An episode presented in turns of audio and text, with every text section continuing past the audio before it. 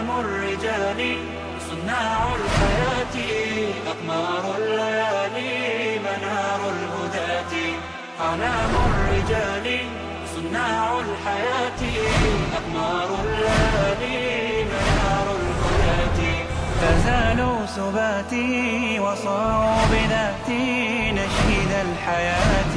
وصاروا بذاتي نشيد الحياة. تركنا الهوانا وعادت قوانا بعزم الأبات.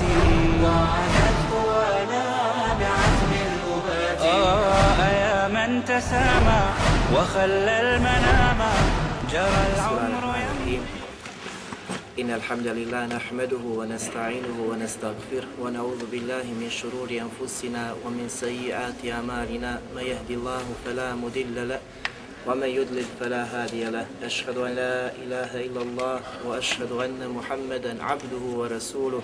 وقال ربنا في كتابه الكريم بعد أعوذ بالله من الشيطان الرجيم. يا أيها الذين آمنوا اتقوا الله حق تقاته ولا تموتن إلا وأنتم مسلمون. Zahvala pripada gospodaru svjetova, Allahu subhanahu wa ta'ala, koga naš gospodar na pravi put uputi, zaista je upućen. A koga ostavi u zabludi, neće mu naći nikoga ko će ga na pravi put uputiti. Svjedočim da nema istinskog Boga osim Allaha subhanahu wa ta'ala i da je Muhammed alaihi salatu wasalam posljednji Allahu poslanik poslan sa istinom. Naš gospodar je kazao u svojoj plemenitoj knjizi, ovi koji vjerujete, bojte se Allaha istinskom bogobojaznošću i ne umirite nikako drugačiji osim kao muslimani. Zatim, Assalamu alaikum wa rahmetullahi wa barakatuhu. Zahvaljujem Allahu subhanahu wa ta'ala koji nas je poživio, koji nas je ponovo sakupio i okupio na ovom Mareć mjestu, da ga veličamo i slavimo, tumačeći njegova lijepa imena. Draga braća, večeras sa Koboda govorimo o novim Allahovim Tebare Kvetala imenima i njihovim značenjima, imenima koja su jako znači bitna i značajna, a i sami ćete vidjeti nakon spomena tih imena. Večeras ćemo spominjati tri velika imena. Prvo ime El Malik, drugo El Melik i treće El Melik. Znači, tri Allaha subhanahu wa ta'ala velika imena. Sva ova imena upućuju da Allah subhanahu wa ta'ala posjeduje apsolutnu vlast. Da je on taj koji vlada i upravlja i da je on istinski vladar. Jedan od velikih tabina, veliki pobožnjak, muđahid, alim, zahid, sve pozitivne osobine koje imao i kojim se može okiti jedan znači, vjernik Allaha subhanahu wa ta'ala, njega tako opisuju velikani umeta, posebno oni koji bilježe biografije, znači učeni, pobožni, kroz istoriju koji su prošli nakon poslanika alaihi salatu wasalam i ashaba. Njegovo ime je Sila ibn Ušejm. Sila ibn Ušejm. Njegovu biografiju spominje Ibn Taymiye rahimahullah u mnogim dijelima isto tako, znači imam Zahebi također spominje njegovu biografiju, S tim da događaj koji ćemo večeras spomenuti, jako je znači bitan, jako je važan, da vidimo kako to Allah te bareke taala pomaže svoje iskrene vjernike, posebno one koji su shvatili njegovu vjeru, njegov din, koji su živjeli i radili radi Allaha subhanahu wa ta'ala i koji su na kraju okončali ovaj svoj život na prolaznom dunjalku i svijetu, onako kako treba zaista istinski pravi vjernik u Allaha te bareke ve taala.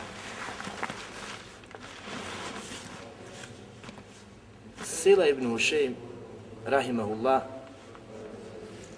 kako smo kazali, bio je veliki učenjaka.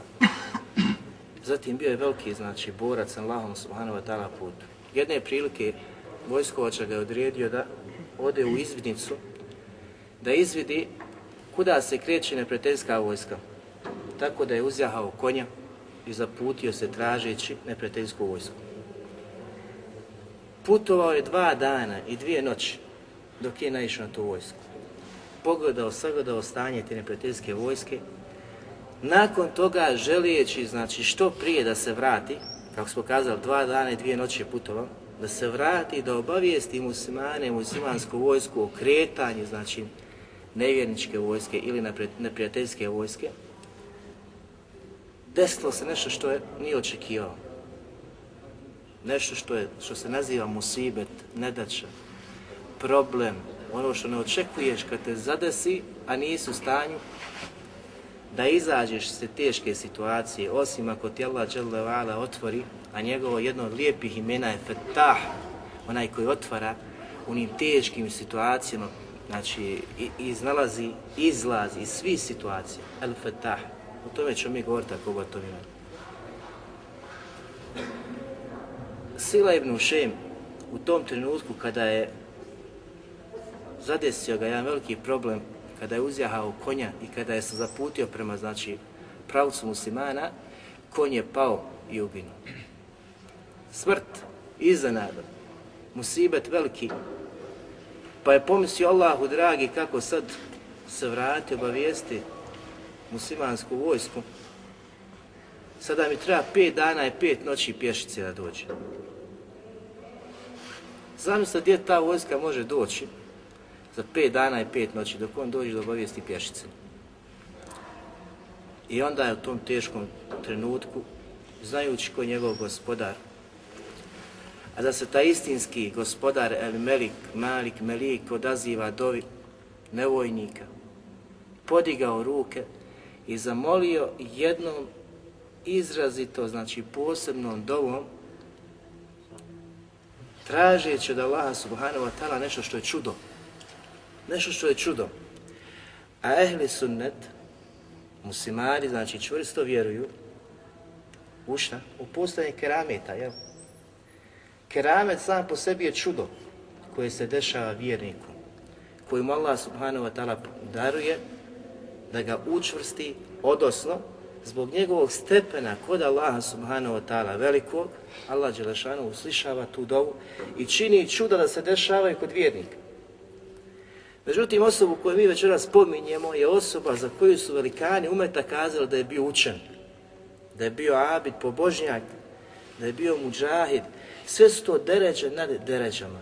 Znači, biti pobožnjak u vremenu fitne i smutnje je biti bolji od onog običnog pobožnjaka, predan si ibadetu, znači posebnim vrstama ibadeta, približava se Allahu subhanahu wa ta'ala kroz namaze, post, dobrovoljni zeka, sve ono što je dobrovoljno, to je pobožnjak. Zatim je alim koji je znao, znači Allahove te barek propise, poznavao je gospodara svjetova, zatim je pozivao to znanju A kazali smo kome je dato znanje, da su to oni kojima date su mnoge deređe na drugim ljudima. To su opet deređe na drugim ljudima. Treće, muđahid, koji je opet sa deređama poseban kod Allaha od drugih, od drugih ljudi. Jer je Allah Žešan uzdigao muđahide deređata na skupinama koji sjede i koji nisu u stanju da se bore zajedno s njima zbog neoprodanog razloga. Tako on se rob Allah Žešan odazvao ovo čudo dovi. Njegova doba, draga braćo, je bila Allahume in kunt Allahume in kuntu leke abden Gospodaru moj, ako sam uistinu ja tvoj iskreni odani rob, Allah zna situaciju svih nas i zna situaciju njega, ali on opet ponizno govori Gospodaru moj, ako sam ja uistinu tvoj istinski rob, fe bi haqqi zikri lek dovi sada sa jednom posebnom dovom. Pa te molim mojim pravom spominjanja tebe. Mojim pravom spominjanja tebe. Ost, znači, možemo ovako kazati. Tražim od tebe. Zaklinjem te, gospodaru, sa posebnim zikrom koji sam učio, koji sam izgovarao molijeći tebe, veličajući tebe, fa in kuna alel haqqi, a mi smo gospodaru naš na istini, wa aduvuna alel batili, naš neprijatelj je na istini, i onda dolazi njegova dova specijalna, pa kaže, fa ahji li faresi, oživi mi moga konja. Allahu akbar.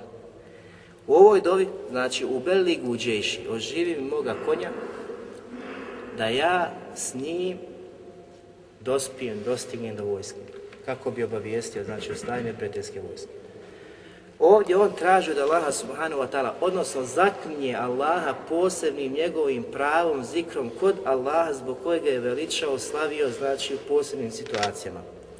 Postavlja se pitanje, da li čovjek može zaklijeti Allaha Đelešanu za nešto? Tako ti Allah uradi mi to. Između nas poznato. Da li možeš to kazati Allahu Đelešanu? On je to, znači ovdje, fe bi haqqi zikri lek, izgovorio. Zaklinje Allah s njegovim pravom kod njega zbog njegovog zikra, da moživi konja, da s njim, znači, se ponovo vrati i da obavijesti stanje. Kažemo može, zbog čega? Zbog hadisa poslanika sallallahu alihi wasallame koji su vjerodostni, koji bilježi Buharija i Muslim. Kaže poslanik sallallahu alihi wasallame Rube eš'ase medfu'im bil ebuabi lev akseme ale Allahi le eberre.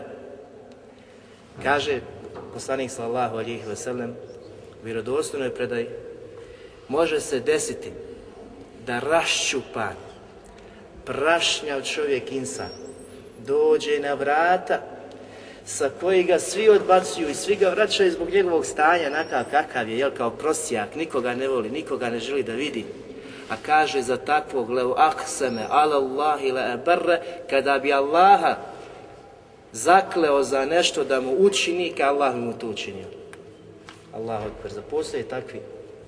Postoje, jedan od takvi je ovaj kojem se gospodar svjetova odazvao na ovakav način. U drugoj predaji Buharija bilježi isto tako, kaže poslanik sa oseleme Inne min ibadillahi me lau akseme ala Allahi le eberre zaista među Allahovim robovima postoje oni ljudi, oni robovi koji kada Allaha zakunu za nešto, Allah Đelešanu im to daje.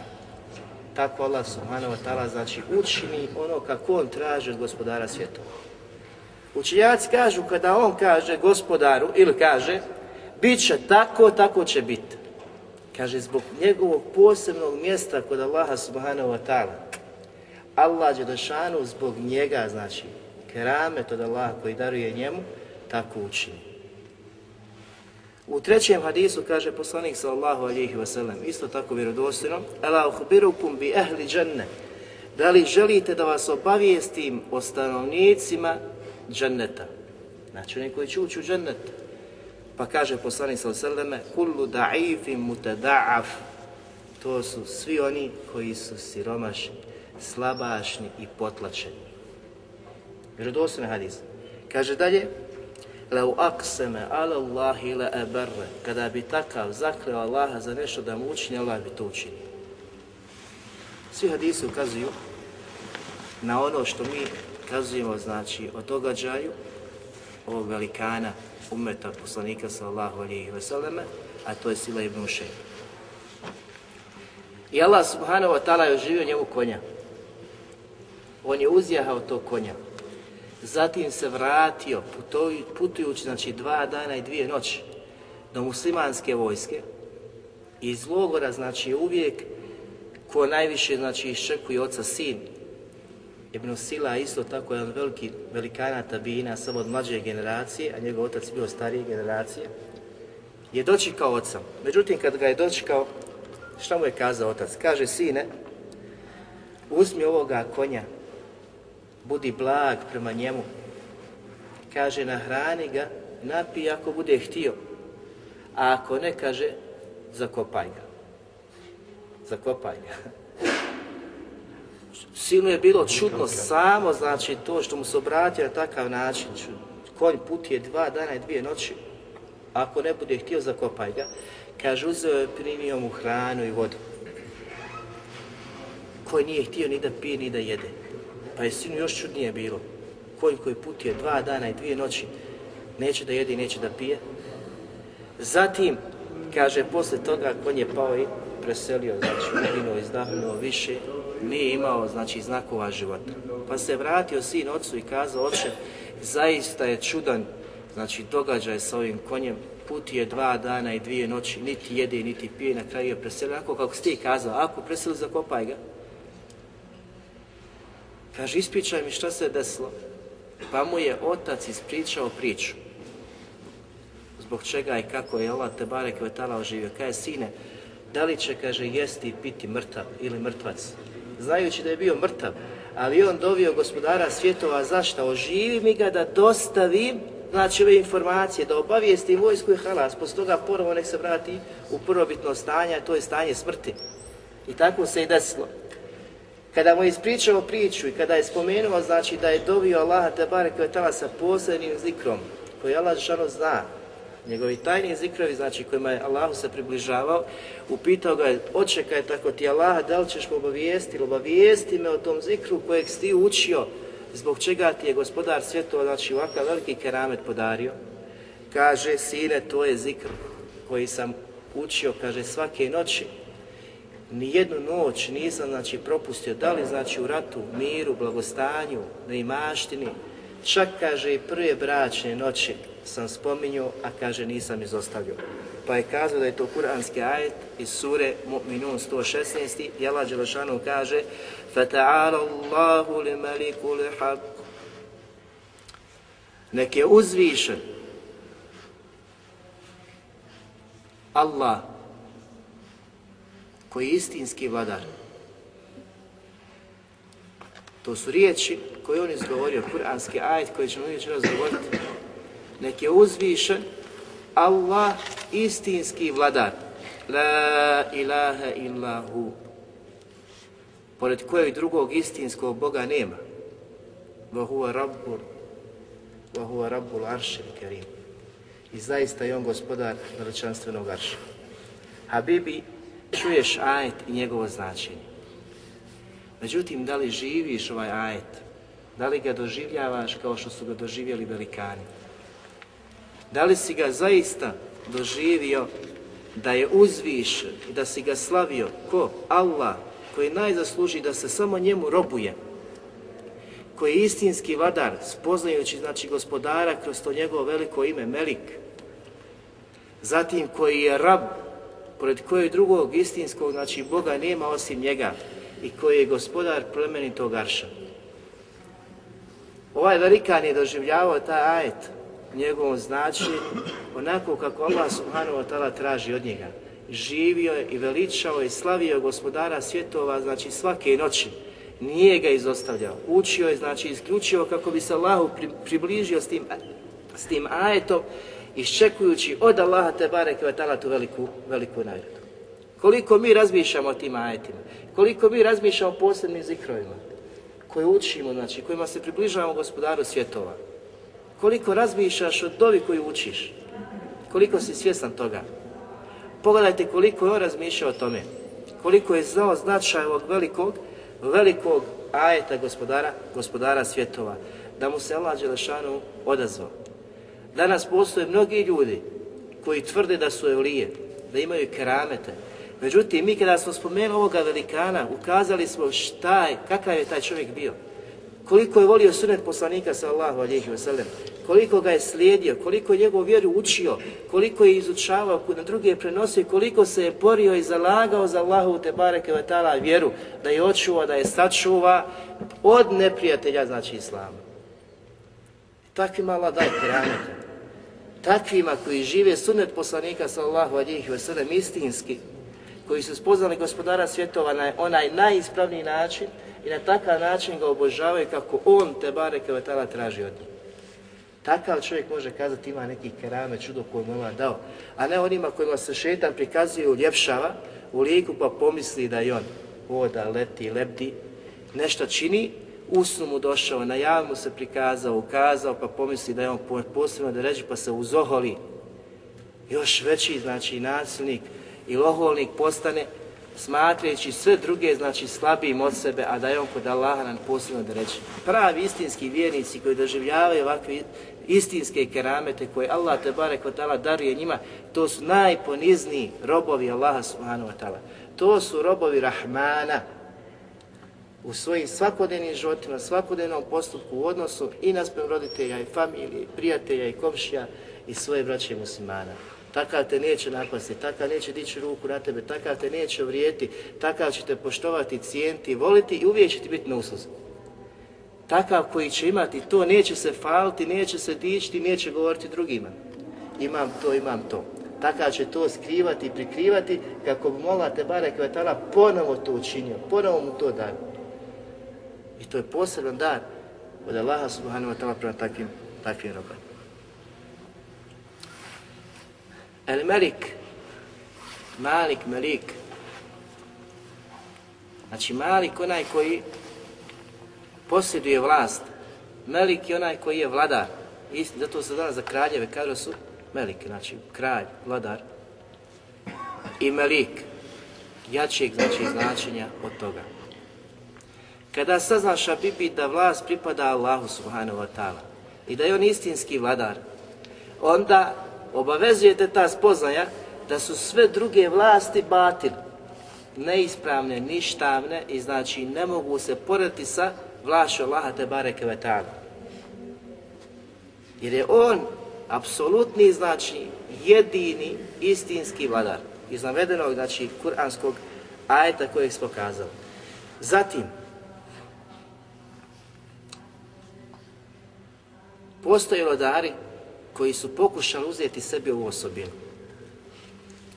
Sebi je pripisati da su oni ti istinski, znači, vladari koji upravljaju na Dunjaluku, vladaju ljudima, svojim podanicima, nanoseći im nepravdu, znači veliki zulum, od kojeg nisu čisti.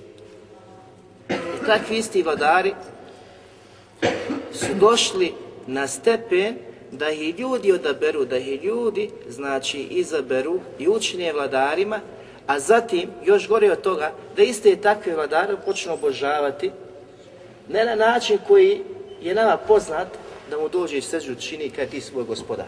Ne, ne. I to je nepoznato, jer su ashabi isto tako se čudili poslaniku sallallahu alihi vseleme kada je opisao kršćane, da to čine sa svojim vladarima, pa su kazali kako da im čine, znači sežu, kako da im, kako da ih obožavaju, pa je kazao ne na način koji vi shvatate i vi razumijete, hadis vjerodosto, isto tako, znači Abbas je komentar sa ajet sa ovim, sa ovim znači značenjem nego im se odazivajući, pokoravajući se onim stvarima koje Allah subhanahu wa ta'ala zabranio da čine, a vladari im nameću i traže, oni se odazivaju tome, ili, znači u stvarima koje Allah subhanahu wa ta'ala dozvolio, a oni im zabranjuju. I zato Allah subhanahu wa ta'ala opisujući takve kaže i tahadu ahbarahum wa ruhbanahum arbabe min dunillah. Oni su uzeli znači svećenike svoje i monahe svoje za bogove pored Allaha subhanahu wa ta'ala. Njih znači takvi su uzeli za bogove pa ti erbabi, znači takvi znači bogovi, su od njih učinili da robuju njima, pokoravajući se u stvarima koje Allah subhanahu wa ta'ala zabranjuje ili čineći stvari, odnosno znači zabrane koje Allah subhanahu wa ta'ala dozvolio. To je način, način na koji danas u mnogim slučajima se dešava. Imate znači situaciju ovakvih vladara, znači ovaj tuninski zadnji koji je, kako, su, kako ga je narod znači, da smijenio. Zbog nepravde, zuluma, svega toga što je radio diktaturu koju je sprovodio nad narodom i propisima šarijata, vjer odbacio u potpunosti za leđa, prihvatio se drugi, znači stvari sa kojima gospoda Svetova nije zadovoljan i Allah Žešanu ga je tako učinio. I svi oni koji žele da uzmu pouku iz kuranskih ajeta i kuranskih kazivanja imaju znači primjera u faraonu kako je okončao i kako, kako je završio znači na ovome dunjalu. istinska vlast kako gospodar svjetova kaže pripada Allahu subhanahu wa ta'ala. Allah Đelšanu suri Al Imran kaže Kul illahu me malike al mulke tuhti al mulke men teša wa tanzi al mulke min men teša. Reci, i ovdje kaže Allah Đelšanu, reci gospodaru moj, malike al mulk, ti kojem pripada sva, sva vlast, ti daruješ ili Znači, darivaš vlast kome hoćeš, a oduzimaš istu tu vlast od koga ti hoćeš. Što znači da vjeruješ čvrsto da Allah Đelešanu kada neki vladar vlada, to mu je Allah podario takvo stanje. Znači, Allah mu je dao, znači da on vlada. On daje kome hoće vlast i upravljanje, a oduzima od koga hoće. I kada on, subhanahu wa ta'ala, hoće, što automatski te ukazuje, upućuje da svaki vladar na Dunjaluku nije istinski vladar, nego je to samo znači nešto što mu je dato, a da on i njegova vlast i sve to pripadaju onom istinskom, apsolutnom vladaru koji je Melik, koji je gospodar, istinski vladar svih znači ljudi, svih stvorenja, svega stvorenog. Koli, zato znači opasno je da čovjek kojemu dade Allah vlast, ne mora biti samo vladar, znači da vodi državu, možeš biti habibi, znači upravnik, direktor firme, imaš grupu s kojom upravljaš, ti znači daješ naredbe, pazi kako se obhodiš prema njima. Pazi znači na koji način se obraćaš, šta tražiš od njih, nemoj zulum da činiš, nemoj to sebi dozvoliti, jer to što ti je malo dato od te vlasti, nemoj da se uzoholiš. Nego gledaj kako ćeš se približiti gospodaru svjetova kroz to. Jer poslanik Ali Sallatu Veselam u hadisu, koji je vjerodostan, kaže sedmorca će biti u vladu sudjeg dana kada drugog vlada neće biti osim Allahovog, znači u Aršu, vlada, prvi koji poslanik Sallallahu Veselam spominja jeste, kaže, pravedni vladar. Prvi, znači, to nije mala stvar, to je velika stvar. Da ovo svi oni kategorija, poslanik Sallallahu Veselam prvo spomene, znači, pravednog vladara. Znači, nije lahko, teško. Mi ćemo navesti primjere Mi ćemo navesti primjera ovo da nastavku predavanja. Allahu te barek ve taala ime El Melik se spominje u Kur'anu na pet mjesta. Znači u Kur'anu se spominje na pet mjesta. Prije svega u ajetu koji smo citirali, odnosno Fata'ala Allahu Melikul Haq, koji je 114. ajet u suri Taha, zatim u suri Hašr, sve ovo poznato kada Allah subhanahu wa ta'ala na kraju govori o svojim plemenitim imenima, opisujući se njima, gdje kaže Hu Allahu ladhi la ilaha illa huwa li melik. Znači nema drugog Boga osim Allaha subhanahu wa ta'ala i on je melik, istinski, istinski vladar. Zatim u suri Nas, Meliki Nas, koji je isto tako vama ajed poznat.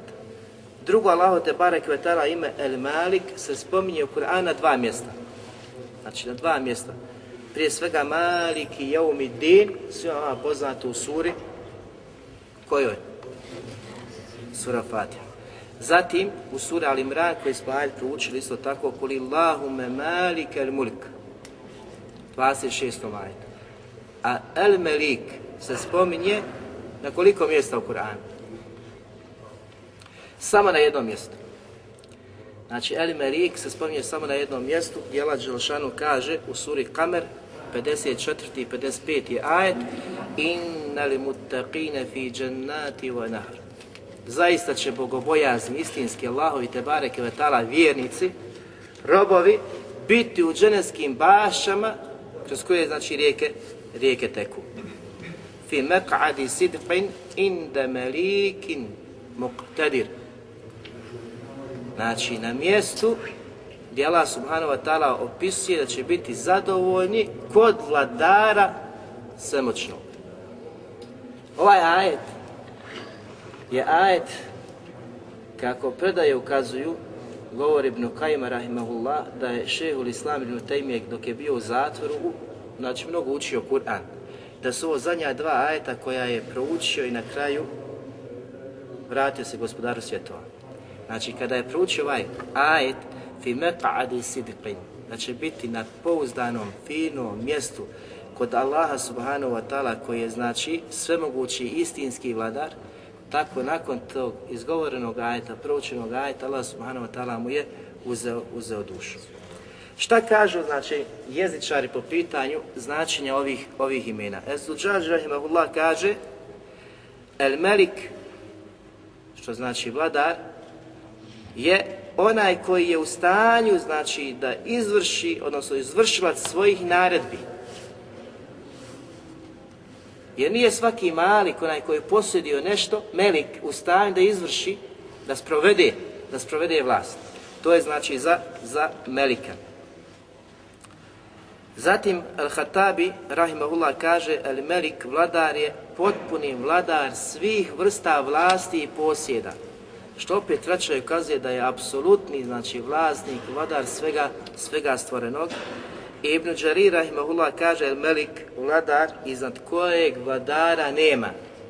Znači vladar koji je iznad svega, iznad kojeg drugog vladara nema. Znači koliko god se čovjek osjećao znači da ima vlast u svojim rukama, uvijek mu mora biti na pameti da je gospodar Melik, Malik iznad njega. Iza njega. I da nikada ga to, znači ta vlast koliko god bila velika i čila mu se veliko, da ga ne zanese, da pomisli da je on iznad, iznad Allah. A bilo je stvorenja, znači, kroz istoriju koje je zanijela ta vlast, pa su pomislili da, da su iznad, iznad Allaha subhanahu, subhanahu wa ta'ala. Ibn Kathir, rahimahullah, kaže u komentaru ajta hu Allahu ladhi la ilaha illa huwa li melik, znači on je Allah pored kojeg istinskog Boga nema, on je melik istinski vladar, kaže u komentaru vladar svega postojećeg, koji raspolaže bez ikakvih smetnji, znači u svojoj vladari nema smetnji, nema nešto što mu može znači ga spriješiti, zabraniti, da izvrši onu svoju odredbu koju je on subhanahu wa ta'ala odredio. Allah Đelešanu kaže u suri Šura u 49. ajetu Lillahi mulku samavati wal ardi jahluku ma ješa Zaista vlast pripada Allahu subhanahu wa ta'ala i nebesa i zemlje i on stvara što hoće. što ajet jasno ukazuje da apsolutna vlast nebesa i zemlje i svega onoga što je u njima pripada Allah, a on stvara šta god on poželi, šta god on hoće. Što ukazuje na moć tog istinskog vladara koji posjeduje znači sve u svojoj ruci. Znači stvara što hoće. Ti danas možeš biti vlad, vladar, možeš biti znači kralj, ali da li si u stanju da posjediš ove osobine koje gospodar posjeduje? Nikada. Koliko god znači imao vojsku, imao policiju, imao znači sve ono što ti jača tvoju državu, tvoj sistem, nisi u stanju, niti možeš biti u stanju znači jedne trunčice da se primakneš osobini gospodara, gospodara svjetova, te bareke ve ta'ala. Šta su plodovi spoznaje ovih velike Allahovi te bareke vetala imena? Prvi plod koji je znači jedan od e, najvećih plodova spoznaje Allahovi te bareke vetala imena El Melik, Malik, Melik, jeste da je on subhanahu wa ta'ala istinski vladar kojem pripada sva apsolutna vlast kojom on subhanahu wa ta'ala upravlja, jer on subhanahu wa ta'ala kaže Tebareke allazi bi jedihi mulk wa huwa ala kulli shay'in qadir. Nek je uzvišen, slavljen onaj u čijoj ruci pripada sva vlast. A on sve može. Znači to je naš gospodar da mu vlast pripada, znači apsolutno sva. Tako da kada to gospodara spoznaš i saznaš, znaš na koga se oslanjaš i ko je na tvojoj strani i ko je taj koji će ti, koji će ti pomoći ako ga prizoveš i ako zatražiš pomoć od njega. Poslanik Ali Salatu Vosalam je kazao u mnogim znači, hadisima, mi ćemo kada samo završetke hadisa, la malike ila Allah. Znači dokaz da je on, subhanahu wa ta'ala, istinski, e, vlasnik svih stvari i ovaj hadis gdje kaže poslanik sallallahu la malike nema znači istinskog vlasnika, posjednika nečega mimo Allaha subhanahu wa ta'ala. Ti možeš imati, ali u stvari i ti i tvoje, znači to što posjeduješ pripada i gospodaru. On je vlasnik i tebe i tvog posjeda, svega što imaš. U drugom hadisu poslanik sallallahu kaže la malike ila Allah. Odnosno la malike ila Allah nema istinskog vladara osim osim Allaha. Kraljevi postoje, vladari postoje, ali istinski pravi melik je on subhanahu, subhanahu wa ta'ala. Mi ćemo navesti posle povoda kompletne ove hadise. Što ukazuje da stvorenja nisu u stanju da posjeduju ništa. Odnosno, ne možeš kaži to je moje. Meni pripada. Ne, Habibi, pripadaš ti i tvoj posjed, sve što je tvoj posjedu, Allahu subhanahu wa ta'ala. Jer ti kada preseliš, što nosiš sa čim se vraćaš gospodaru svjetova? Sve ostaje iza tebe. Sve ostaje iza tebe. Jer je sve prolazno osim Allaha subhanahu wa ta'ala. I zato Allah Đelešanu kada kori mušrike, one koji su se vezali za ono što je lažno, prividno, što su mislili da im može koristi štetu dati, od raznih znači, bića i živih i neživih predmeta, Allah subhanahu wa ta'ala jasno ukazuje na tu zabludu, da je to neispravno, da je to ništavno i da je on subhanahu wa ta'ala jedini zaslužan da se obožava, od njega traži i on je taj koji je jedini istinski vladar koji posjeduje sve, sve na zemlji. Kaže Allah subhanahu wa ta'ala u suri Nahl ويعبدون من دون الله ما لا يملك لهم رزقا من السماوات والأرض شيئا ولا يستطيعون Opisuje njihovo stanje jadno, kaže oni obožavaju one mimo Allaha subhanahu wa ta'ala koji ne posjeduju ništa kod sebe. Ništa, negira znači posjed bilo čega, a oni takve obožavaju. La jemliku, ništa ne posjeduju, ništa nemaju kod sebe, niti rizk, obskrbu s nebesa koja se spušta, ni iz nebesa, niti iz zemlje. Znači, bilo koji vid tog rizka obskrbe ne posjeduju, jer je to jedino znači, koji posjedi Allah subhanahu wa ta'ala, niti su mogućnosti bilo što da učine. Takve mušrici obožavaju. I danas, i u Indiji, i u Japanu, i u Kini, i svim drugim znači, mjestima gdje su mnogobožci, isti, poput ovih mnogobožaca Meke, obožavaju i pogledajte što obožavaju. Da li znači išta ta stvorenja koja oni obožavaju od kamenja i drvijeća i predmeta išta posjeduju? Ništa. Zatim kaže Allah Želšanu ukazujući قل أتعبدون من دون الله ما لا يملك لكم ضرا ولا نفعا Zar kaže obožavate, pita i posle toga što je ukazao što obožavaju, zatim i pita. Zar obožavate, znači pored Allaha subhanahu wa ta'ala, nešto što ne posjeduje kod sebe, niti štetu, niti dobro. Znači ne može ti niti štetu nanijeti, niti dobro kako pribaviti. Zar takvu stvar obožavaš? Pa ih vraća na stazu istine i put jasno, znači jasan put, istiniti put, opisujući sebe Wallahu huwa samir alim.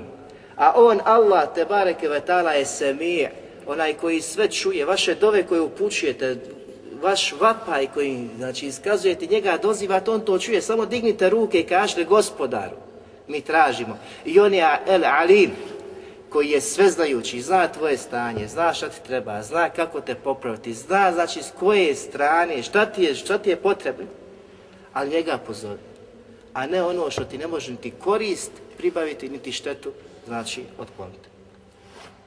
Zatim posle Allah subhanahu wa ta'ala kaže قُلِ ادْعُوا الَّذِينَ زَعَمْتُ مِنْ دُونِ اللَّهِ A vi, kaže, pozovite sve one koje ste smatrali bogovima mimo Allaha subhanahu wa ta'ala. Sve one koje ste obožavali mimo Allaha te bareke wa ta'ala. La yamlikune mithqala dharratin fis samawati wa la fil ardi wa ma lahum fihima min shirkin wa ma lahum minhum min zahir. Sve njih pozovite koji ne posjeduju niti atom jedan.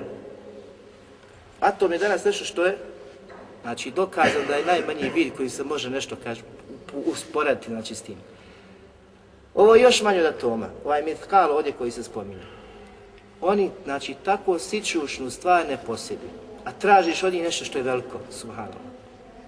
Kako gospodar svjetova ukazuje, znači, na, na ispravnost svega toga, a da je on, subhanahu ta'ala, zaslužan, on taj koji te je stvorio, koji ti daje, koji se brine o tebi, koji ti je dao život, koji usmrčio, življe, da je on taj koji se obožava, ne posjeduju kaj taj atom niti na nebesima, niti u zemlji, niti imaju bilo kakvog udjela u tome.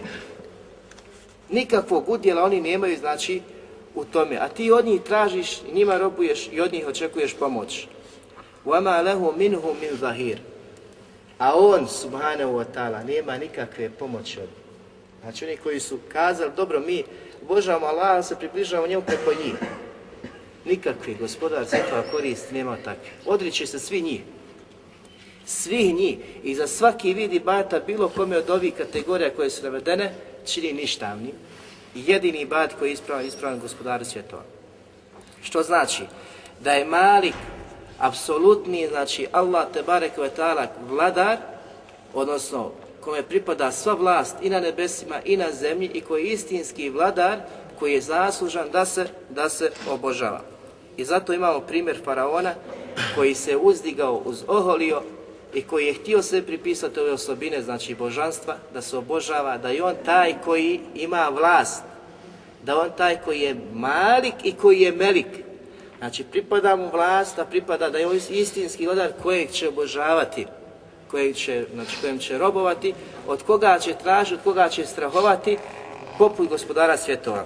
Allah subhanahu wa ta'ala u suri Zuhruf opisuje znači, njegovo stanje pa kaže وَنَادَا فِرْعَوْنُ فِي قَوْمِهِ قَالَ يَا قَوْمِ أَلَيْسَ لِي مُلْكُ مِسْرَ وَهَذِي الْأَنْهَارُ تَجْرِي مِنْ تَحْتِي أَفَلَا تُبْصِرُونَ I Faraon je pozvao svoj narod i onda im je ukazao, narode moj, zar ove rijeke koje teku u ovom Misru, Egiptu, i ovo carstvo koje vidite, zar ne pripada meni?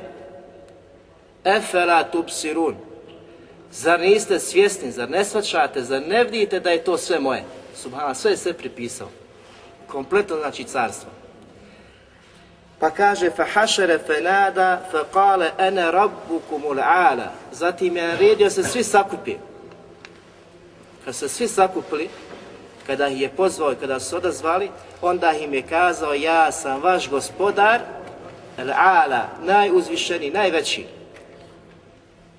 Kad im ukazao da mu vlast pripada sva, znači Malik koji posjeduje sve, jel? Zatim je on taj Melik istinski koji se obožava, kojim se robuje, koji je gospodar svega toga, pripisao božanstvo, znači da je on rab. I to je najuzvišeniji. Al-ala, to se za Allah te barek govori. A on je sebi to pripisao. Zatim, narod se odazvao toj zavodi. Počeli su ga slijediti, pa Allah subhanahu wa ta'ala opisuje takvo stanje, pa kaže فَاسْتَحَفَ قَوْمَهُ فَتَاُوا I narod je kaj svoj zaveo, pa su mu se oni pokorili. Znači, počeli su ga slijediti u svemu tome. Innahum kanu qauman fasiqin. A zaista su oni bili narod griješni. Što znači, kada Habibi dođeš u takvu situaciju, u takvo stanje, kada dođu oni koji traže se prekorače Allahove granice, ne smiješ dozvoliti da bude sredbenik faraona. Niti onaj koji ima vlast ne smije sebi, znači, dopustiti da bude poput njega, da traži od naroda, podanika, Allahovi robova da čini ono što je faraon tražio, znači od svoga naroda pa se pripazi da ne bio ili od jedni ili od drugi. Jer Allah subhanahu wa ta'ala kaže فَلَمَّا أَسَفُونَا A kada su moj gnjev izazvali, srđbu Allaha te bareke ve ta'ala sa tim riječima, dijelima i postupcima i slijedženjem, Allah subhanahu wa ta'ala kaže intaqamna minhum. Sve smo i mi kaže kaznili fa agraknahum ajma'in. I sve smo ih utopili. Sve smo ih potopili. Kada su Allahov gnjev i sržbu izazvali Allah subhanahu wa ta'ala žestoko je sve kaznio, i faraona i sve svoje znači sedbenike koji su povjerovali da je on istinski Bog, koji se treba znači obožavati, koji treba se znači slijediti, svi su bili kaženi. Allah je došao na drugom mjestu, traži od vjernika kad čita ovu priču, ne da je čita kao nešto što se desilo u istoriji, nego da uzme pouku, jer kaže inne fi dhalike la ibratan liman jahša. zaista je to pouka za onoga koji se plaši, koji strahuje da Allaha Đelešanu. To nije pouka za onoga koji nema straha, koji se ne nada vraćanju i povratku gospodaru svjetova. Ovo je pouka ove priče za svakog onoga koji strahuje od gospodara svjetova. I zato ovo je najveća pouka za svakog onoga koje je Allah te bare, koje je tala da vlast, iskušenje vlasti na Dunjaluku, da promisli i razmisli kako su ovakvi stradali. A s druge strane da se ugleda na one koji su ovu vlast prihvatili onako kako je došla i bili su, znači izvršioci te vlasti, onako kako gospodar svjetova traži od njih, poput poslanika Muhameda ali islatu wasalam, kome je data vlast bila. Zatim njegovim sedbenicima Hulefao Rašidin četvorci i izabrani najodabrani halifa Ebu Bekra, Omera, Osmana i Alije radijalanu. da se ogleda znači njihovo stanje, kako su se brinuli o muslimanima i svim onim koji su znači potrebe bilo kakve imali i kako su uspješno tome bili. Zatim, ako imalo skrene sa te staze tog puta, da pogleda kako je ovaj veliki nasilnik i zulčar završio poput faraona. Imamo primjer Haruna i Rašida, kome Allah te bare vatala podari isto tako iskušenje ove vlasti. I bio je halifa muslimana, vi to znate. Međutim, na samrti je izgovorio riječi koje su ostale da se spominju do sudnjeg dana. Znači danas, i danas ljudi to spominju, i uvijek spominju i velikani, i zabilježeno je, znači toliko su značajne da su zabilježene da se prenose znači s koljena, s koljena na koljeno. Kada je na samrti bio, plaćni očiju je kazao, znači kuranske ajete djela što kaže ma agna anni malije. To će kazati svi oni koji su bili nepravedni, svi zulumčari, svi oni koji nisu živjeli životom kojim je kakav je trebao znači da živi i kojim ga je zadužio gospodar svjetova. Danas mi moj imetak neće koristiti. Harun el Rashid je bio znači bogobojazan i imao je vlast. Bio je halifa, ali na samrti kazuje danas u ovom trenutku, u ovom času sav moj metak koji ja posjedujem ništa mi neće, ništa mi neće koristiti. Heleke anni sultanije i ja više snage nemam. Gotovo Allah je došao uzeti dušu. I zaslanik je stigao više snage Habibi nemaš, nemaš otpora, nemaš pokreta, nemaš, nemoćan si totalno, prepušten Allahovom emru. Ako si bio dobar, dobar si, ako si bio zao, teško tebi. I on u takvom stanju, znajući istinu i suštinu života na Dunjalku, proučio ove kuranske ajete. I onda je kazao jednu rečenicu koja je znači jako, jako značajna. Ja men la jezule mulku irha men kad zale mulku. O ti čija vlast ne prolazi, kako Allah te bare kvetala dozvoli. Smiluj se onome čija je vlast prošla. Allah. O ti čija vlast ne prolazi, to je Melik, Melikul Hak, istinski vladar, kako smo kazali iz kuranskog ajeta, čija vlast je neprolazna, ostaje zauvijek, koja je od uvijek i zauvijek. A ovaj miskin koji je živio životom na dunjalu poput halife, vlasti imao, za nije imao vezire, za nije naređivao, hapsi, uhapsi, dotjeraj, ubi, slao vojsku, znači sve izvršno, znači imao apsolutno vlast u svojoj ruci, ali je znao da je njegova vlast prošla, a da je ostala vlast Allah, gospodara svjetova, gospodaru, takav smiluj se onome čija je vlast, čija je vlast prošla. Njemu Harunom je došao jedan poznati isto tako pobožnjak Ibn Asakir da mu ukaže njegovu vlast koja je prolazna, koja je beznačajna. Iako je halifa, iako posjedi, znam su ti malo posjediš vlasti pa se osiliš. Znaš si halifa Subhana. Koje je to iskušenje? Da ustraješ kao mumin, kao vijenik do kraja života. To je pravo teška situacija. I zato ta se vlast ne priželjkuje. Jer je ona opasna. Opasna znači, možete zanijeti zavesti da ode sa pravoga puta. Kada mu je došao Ibn Asakir, rahimahullah, tražio da mu se donese čaša vode. Kad su donijeli čašu vode, okrenuo se Harunu i kaže kada bi, kaže, bio toliko žedan, a da nema nigdje vode, osim ove čaše od ovog gutljaja što vidiš, šta bi dao svog imetka? Kaže, dao bi pola svoje vlasti za taj gutljaj. Kaj dobro. A kada bi, kaže, popio taj gutljaj, zatim bio spriječen da to izbaciš iz sebe. Znači, da izmokriš. Koliko bi tada platio da ti se to omogući? Kaže, dao bi ostatak svog, svoje vlasti, svog imetka. Znači, kompletnu vlast daje za gutljaj vode. Kaže Ibn Asakir, a želi ga je podučiti ovim primjerom bijedna je, kaže, ta vlast koju posjeduješ, koja je kaj je vrijedna, kaj je gutljaja vodi. Allah. I to je tako. Kad razmisliš o tom primjeru, život u pitanju, nema vode, Habibi, a gutlja, šta bi dao? Dao bi sve što posjeduješ. Jer ti je snaga u tome život i u toj vodi. Zatim si spriječen, gdje ćeš posle toga opet smrt. Komplikacije, ponovo druge koje ne dolaze, dao bi, kaže, i ostatak. Kaj bijedna je vlast, Znaj, znači da je to sve prolazno, to prolazi, da se vraćaš gospodaru svjetova, zato se pripremi, ustraj i budi onakav kakav gospodar traži od tebe da budeš znači, kao namjesnik na zemlji. Nešto ti je dato, povjereno, zatim prolazi. Vlast je prolazna, život je prolazan, sve je prolazno. Allah ostaje i ostaje na ispit od kabura do sudje i dana, zatim vječna kuća, džennet ili džehennem. Allah dželle kaže: "Velillahi mulku samawati vel ardi ve ma bainahuma ve ilayhi al-masir." Zaista Allahu subhanahu wa ta'ala pripada vlast i nebesa i zemlje i sve, svega onoga što je između toga wa ilayhi al-masir i svi ćete se vi njemu vratiti. Allah subhanahu wa ta'ala ukazuje da vlast pripada njemu, znači i nebesa i zemlje i svega i zatim tu ukazuje na pravu činjenicu tvog stvaranja, tvog robovanja na dunjaluku, da je taj život prolazan i da se vraćaš njemu subhanahu, subhanahu wa ta'ala. Zato pripazi kako će se ponašati. Drugi plod spoznaje ovog velikog imena jeste kad se Habibi spoznao da apsolutna vlast pripada gospodaru, stvoritelju, maliku, meliku, znači meliku, mora znati da isto tako potpuna pokornost pripada njemu. Nikom drugom Habibi, nikom nisi pokoran kao što si pokoran stvoritelj. I zato nema znači pokornosti stvorenju u nepokornosti stvoritelju.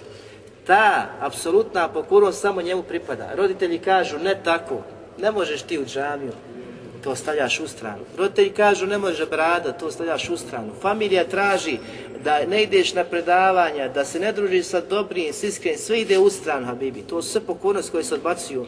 Ne smiješ biti pokoran tome.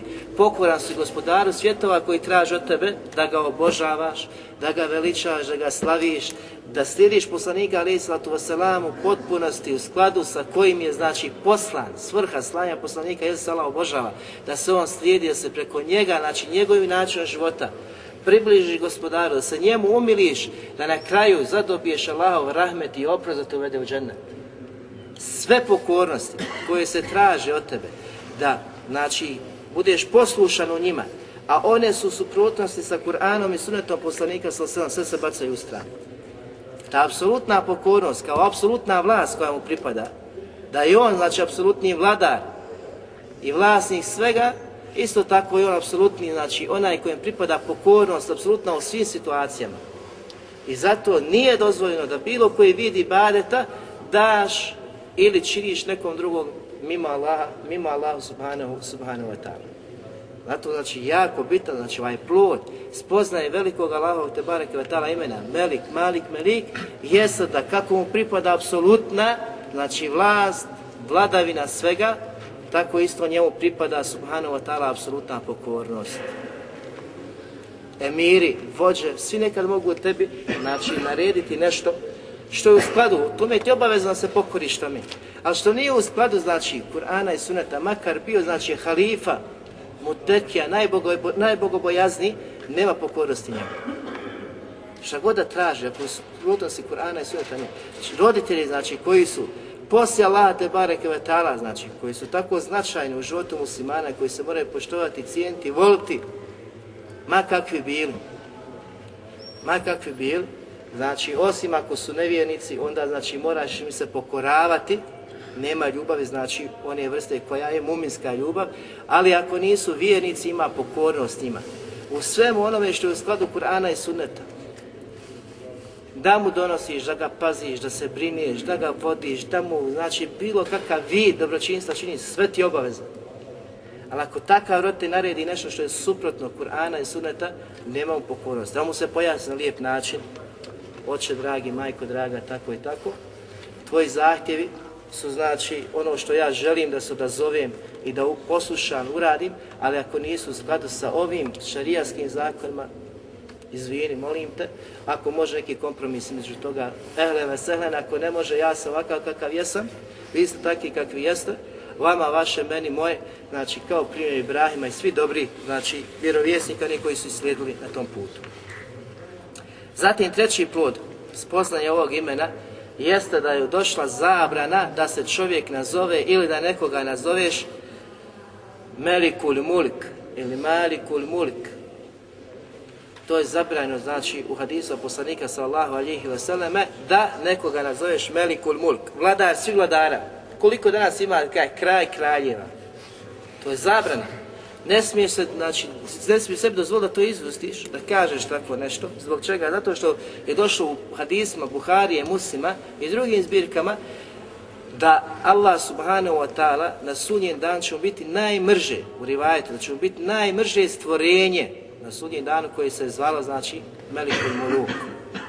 Vladar svih vladara, ili Melikul Emlak, kraj kraljeva, znači da je to najodvratnije, najmrže Allahu te barek vetala stvorenje koje će se pojaviti na sudnjem danu, koje se, znači, okitilo takvom osobinom kojom se samo može okiti gospodar svjetova. znači koji je istinski vladar i istinski znači e, vlasnik svih svih posjeda. U hadisu Ahmeda kaže poslanik sa selem pojačala se Allahova sržba prema onome koji smata da je vladar svih vladara. Znači, toliko je srdit gospodar svjetova prema onome koji se nazove takvim imenom i koji se smatra da je takav.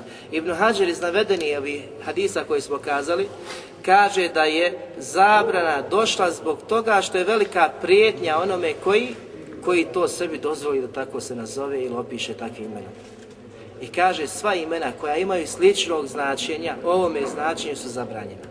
Na ovakav način. Ibn Kajim Rahimahullah isto tako navodi zabranu ovoga imena, isto tako kadi Hudat, sudac svih sudaca, sudija svih sudija.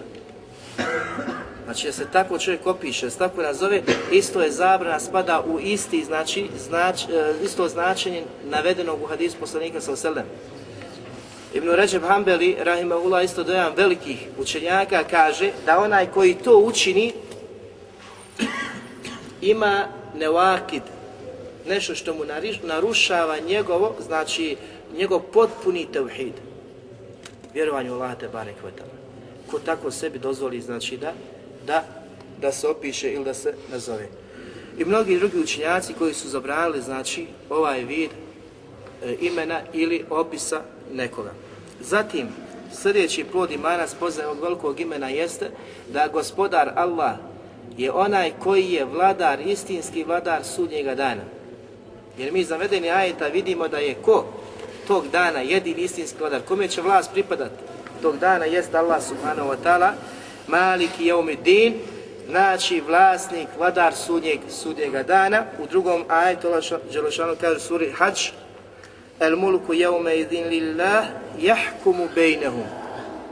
Tog dana će vlast pripasti samo gospodaru Allahu subhanahu wa ta'ala, koji će svoditi obračun s njima tog dana. Jahkumu bejnehum. Za sve što su učinili, sve što su radili, kako si postupao, šta si činio tog dana će pripasti vlast, niko neće progovoriti Habibi. Niko neće imati pravo, danas imaš pravo pričati, danas imaš pravo da kažeš hoću, danas imaš pravo izbora i hoću i neću i može ovako, može onako. Tog dana, na sudnjem danu, nema znači priče, nema znači komentara, nema hoću, neću. Svi će oboreni glava iščekivati, iščekivati Allahu te barek presudu i svaki čovjek, svako stvorenje će sa gospodarom pričati nas samo, a to ćemo govoriti kada budemo govoriti o drugim Allahom i Tebare Kvetala imenima. Jedne prilike je došao židov poslaniku sallallahu alihi wasallam, odnosno svećenik i kazao mu o Muhammede u drugom rivajetu o Ebu Kasime govoreći mu, kaže, zaista će, kaže, kao stvoritelj Allah, na sudnjem danu uzeti nebesa na prst, zemlju na prst. Zatim, kaže, će uzeti vodu na prst i drveće. Zatim će, kaže, uzeti kopno na prst i sva ostala stvorenja na prst. Hoće da dokaže moć gospodara, jel? Pa se je poslanik alaih sallatu wasalam nasmijao. Nasmijao znači na to Kaže se u rivajetu da su mu se kutnjaci vidjeli. Zbog potvrde navedenog govora. I onda je proučio kuranski ajd gdje kaže Allah subhanahu wa ta'ala وَمَا قَدَرُ اللَّهَ حَقَّ قَدْرِ Oni nisu veličali gospodara svjetova istinskim, pravim veličanjem.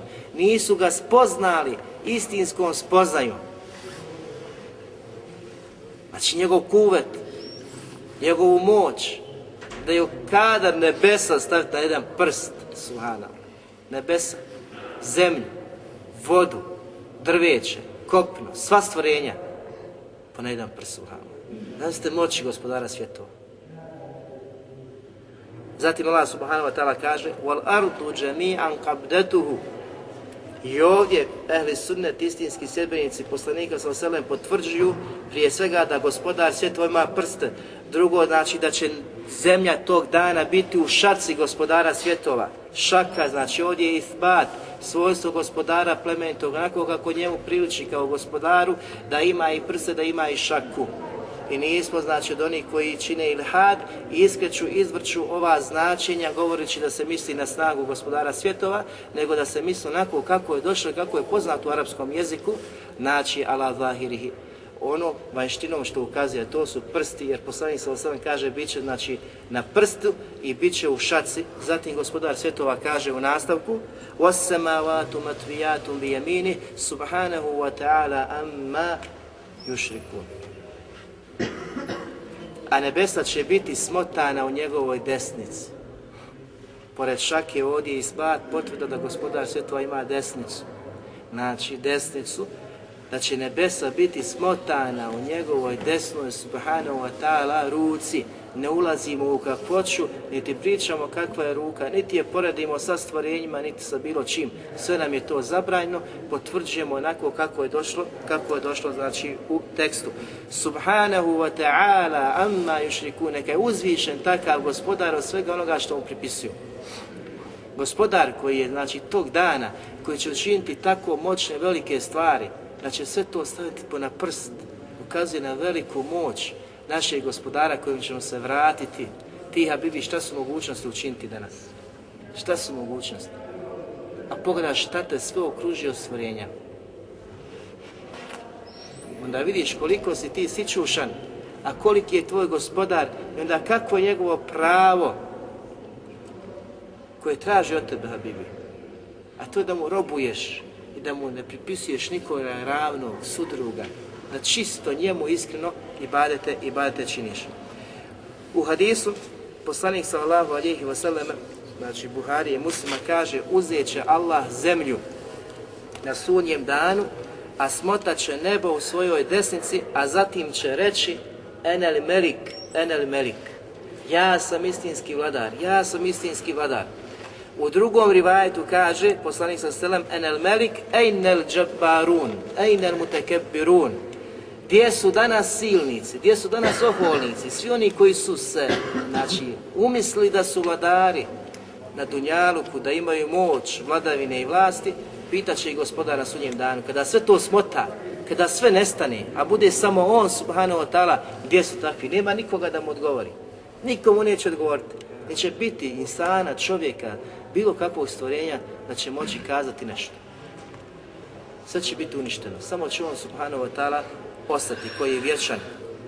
وَنَدَعُ مَوَازِينَ الْقِسْتَ لِيَوْمِ الْقِيَامَةِ فَلَا تُزْلَمُ نَفْسٌ شَيْءَ I tog dana će se postaviti Terezije koje su ist, istinite, znači ispravne Terezije i nikome se nepravda toga dana neće učiniti.